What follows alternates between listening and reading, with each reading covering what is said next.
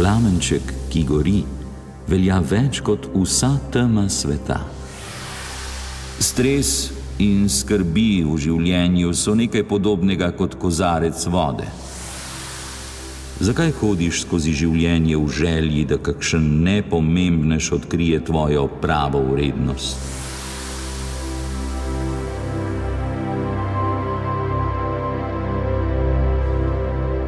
Slišali smo nekaj misli iz knjige Zgodbe kažejo novo pot, ki smo jo izbrali za današnjo oddajo Sov in Luč na Radiu Ognišče.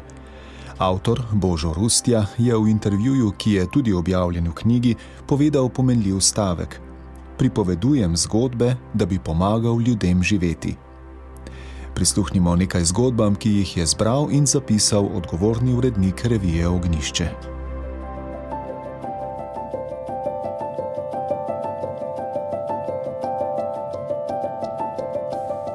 Učitelj o blazini in dobro ime. Mož po poklicu učitelj se je s prodajalcem sadja dogovoril, da bo vedno, ko bo šel mimo njegove stojnice s sadjem, vzel jabolko, plačal pa mu je že vnaprej za več kilogramov. Eden njegovih učencev je videl, da je učitelj vzel jabolko, ne da bi plačal, in v šoli razširil govorico, da je njihov učitelj tat. Vsi so govorili o tem, šušljalo se je po hodnikih, obsojali so učitelja in slednjič so te obtožbe prišle do ravnatelja. Ravnatelj je učitelja poklical k sebi in tam mu je povedal, kakšen dogovor imata s prodajalcem sadja. Ko je fant, ki je sprožil govorico, da je učitelj tat to izvedel, se je šel svojemu učitelju opravičiti. Vprašal ga je še, kako lahko to krivico popravi. Učitelj mu je rekel, da naj naslednji dan pride na hrib in prinese blazino, napolnjeno s perjem. Fant je prišel in prinesel s seboj blazino. Vprašujoče je pogledal svojega učitelja. Raztrosi perje iz blazine po hribu, mu je rekel učitelj. Fant je blazino razparal in raztrosil perje po bregu. No, to ni bilo težko, je rekel fant in si kar oddahnil, saj je mislil, da je kazen opravljena.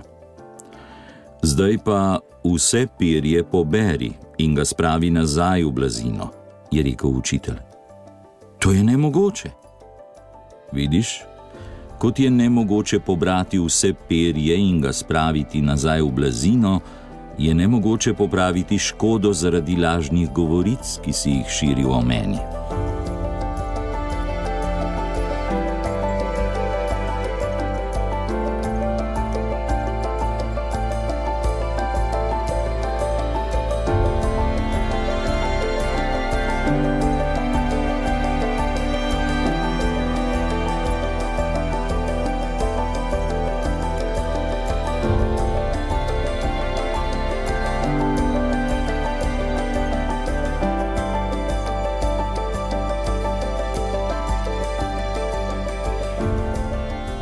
Ne sodi. Zdravnik je hitel v bolnišnico, kjer so ga poklicali na nujno operacijo. Naglo se je preoblekel in odhitel naravnost na kirurgijo. Tam je srečal moškega, ki je nestrpno hodil gor in dol po hodniku, čakajoč na zdravnika. Ko je zagledal kirurga, je zaklical: Kako da ste prišli šele zdaj? Potrebovali ste celo večnost, življenje mojega sina pa je v nevarnosti, nimate nobenega čuta odgovornosti. Žal mi je, nisem bil v bolnišnici, to da prišel sem takoj, ko so me poklicali. Prosim, da se zdaj umirite, da bom lahko opravil svoje delo. Umirite se. Ali bi se vi umirili, če bi bil zdaj na operacijski mizi vaš sin? Kaj bi storili, če bi vaš sin umrl? je jezno vprašal oče. Zdravnik je pomirjevalno odgovoril: Zdravniki ne moremo podaljšati življenja, vendar bom za vašega sina storil vse, kar je v moji moči. Operacija je trajala nekaj ur in naposled je prišel zdravnik zadovoljen iz operacijske sobe. Hvala Bogu, vaš sin je rešen. Ni čakal očetovega odgovora, temveč mu je rekel: Če imate še kakšno vprašanje, vprašajte sestro. Zakaj je tako brezčuten? Ali ne bi mogel počakati nekaj minut, da bi ga kaj vprašal? Če bi bil kakšen pomembnež, se gotovo ne bi tako obnašal do mene. Toda jaz sem samo navaden človek, je očitajoče dejal sestri, ko je zdravnik že odšel. Sestra mu je odgovorila s solzami v očeh. Zdravnikov sin je včeraj izgubil življenje v prometni nesreči. Na operacijo vašega sina je prišel zbedenja pri njem. Ko je rešil življenje vašega sina, je hitel nazaj, da se zadnjič poslovi od svojega sina.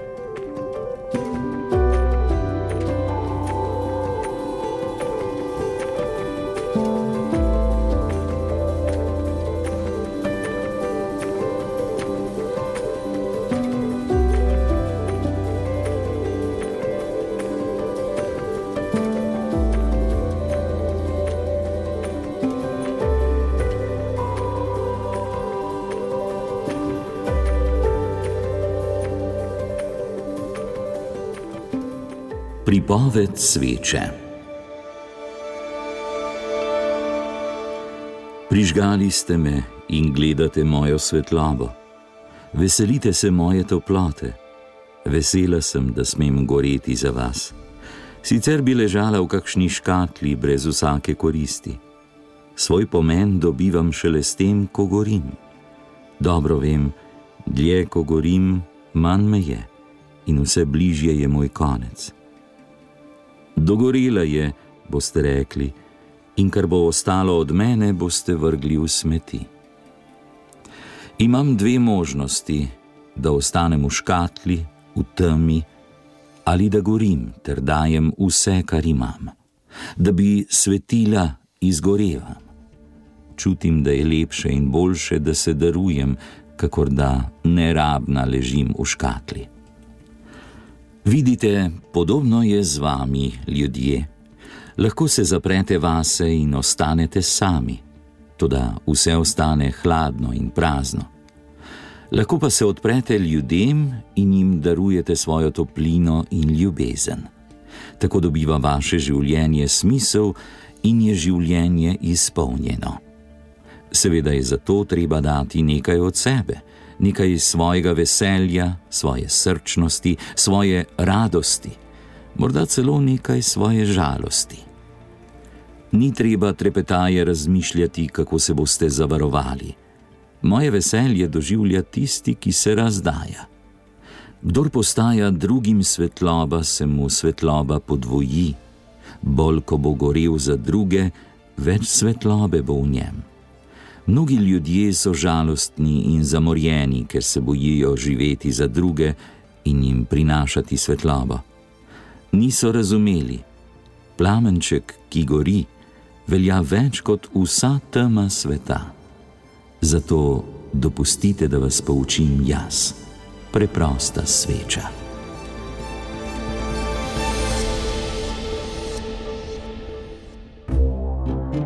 Sol in luč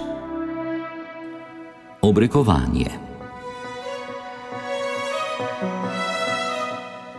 Winston Churchill je bil že v zatonu svoje politične kariere, ko se je udeležil neke uradne slovesnosti. Dva dostojanstvenika, ki sta sedela tri vrste za njim, sta se še petaje pogovarjala. Prvi je rekel: Poglej, Churchill, pravijo, da je že zelo opešal. Drugi je dodal: Ja, tako sem slišal. Pravijo, da ni samo opešal, ampak da postaja vse bolj in bolj senilen. Ob koncu slovesnosti se je Črčil, ko je zapuščal dvorano, za trenutek ustavil, se obrnil proti svojima opravljivcema ter dejal: Pravijo tudi, da že slabo sliši.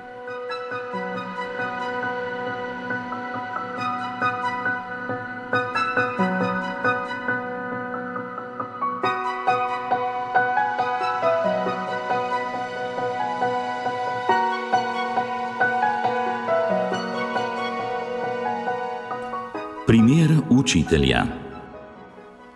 Pred več kot 50 leti je profesor sociologije John Hopkins dal študentom nenavadno nalogo. Naredijo naj raziskavo med 200 dečki iz zloglasnih baltimorskih predmestij in poskušajo odkriti, kako živijo, potem pa naj navedejo prednostne naloge za njihovo prihodnost. Študentje so bili nad izsledki pretreseni. Sad raziskav je bilo predvidevanje, da bo 90 odstotkov teh dečkov končalo v zaporu. 25 let kasneje je neki drug profesor preučeval te stvari in odkril, da se te napovedi niso uresničile. Kasnejše raziskave so pokazale, da so bili od 200 dečkov samo štirje v zaporu. Da bi odkrili, kako to, so zdaj študentje naredili raziskavo med prav toliko možmi, nekdanjimi dečki, in odkrili so nekaj nenavadnega. Več kot sto tistih mož je omenilo neko učiteljico, ki je lepo vplivala na nje. Po dolgem iskanju so odkrili učiteljico O'Rourke, ki je kot upokojenka živela v stari hiši. Povedali so ji o nenavadnih izsledkih raziskave. Učiteljica jim ni znala povedati, na kakšen način naj bi vplivala na njihovo življenje. Smehljajoč se je dejala: Samo rada sem imela vse.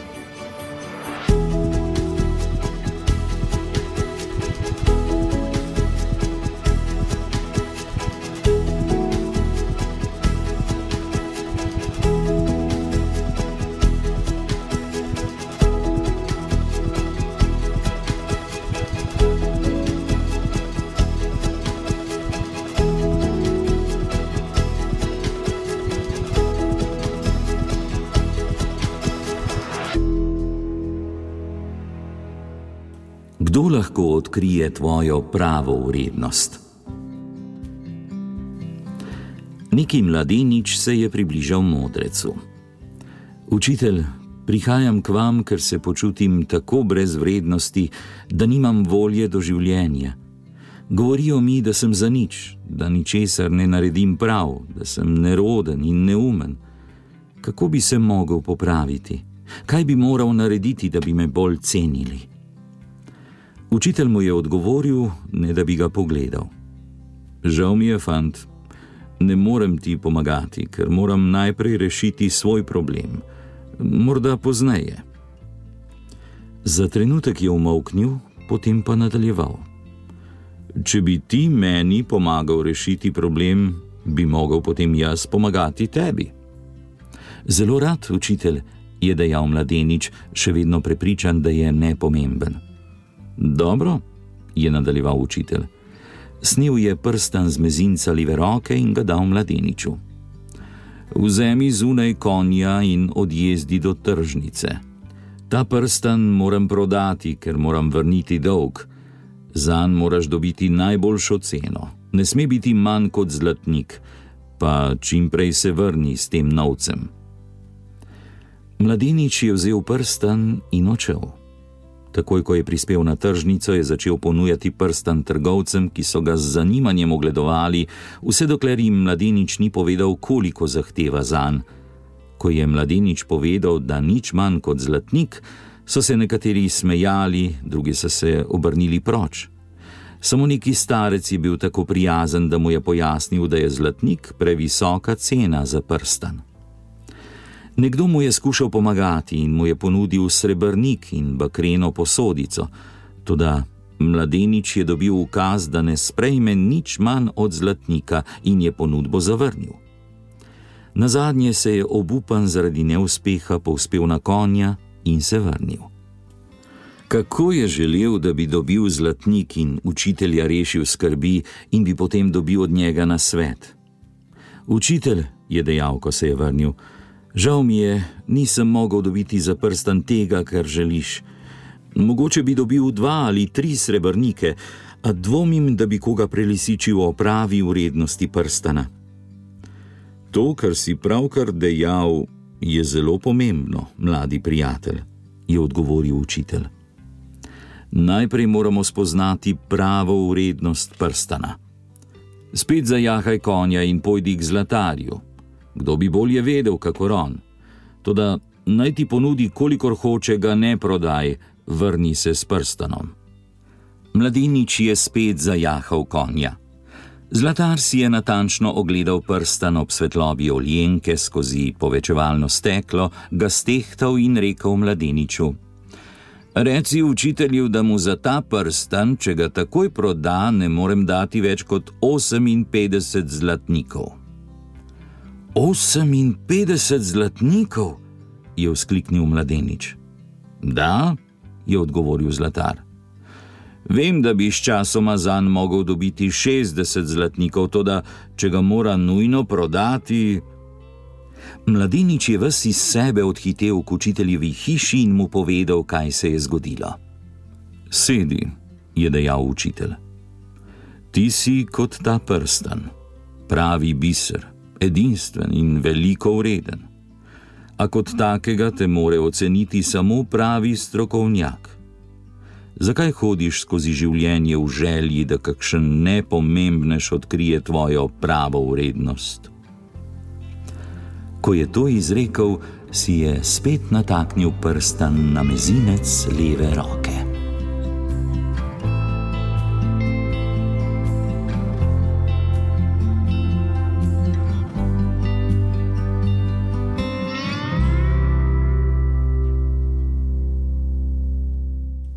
Teža kozarca.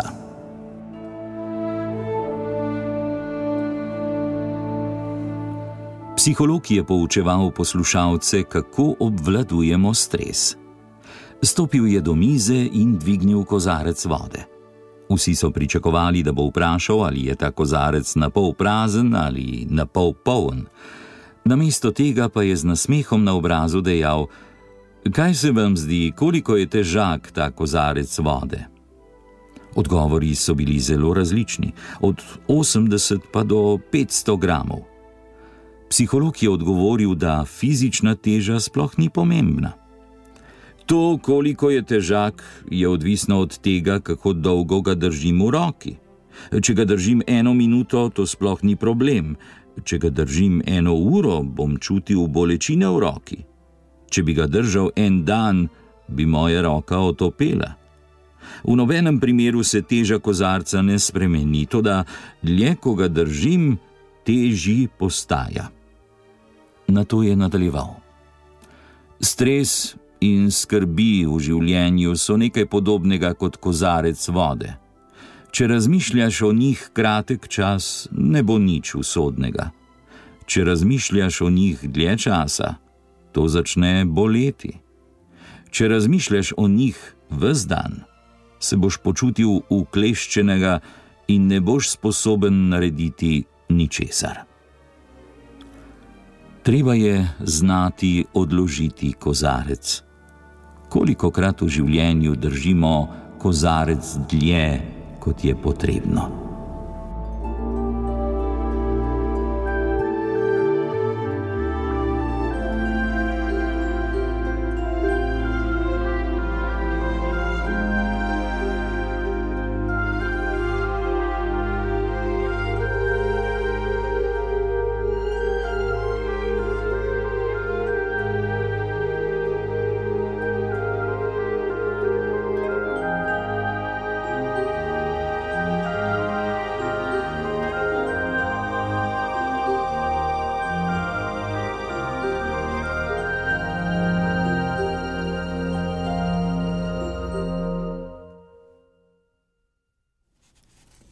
V oddaji Sov in Luč ste slišali nekaj odlomkov iz knjige Zgodbe kažejo novo pot Boža Rustje, ki je išla pri založbi Ognišče.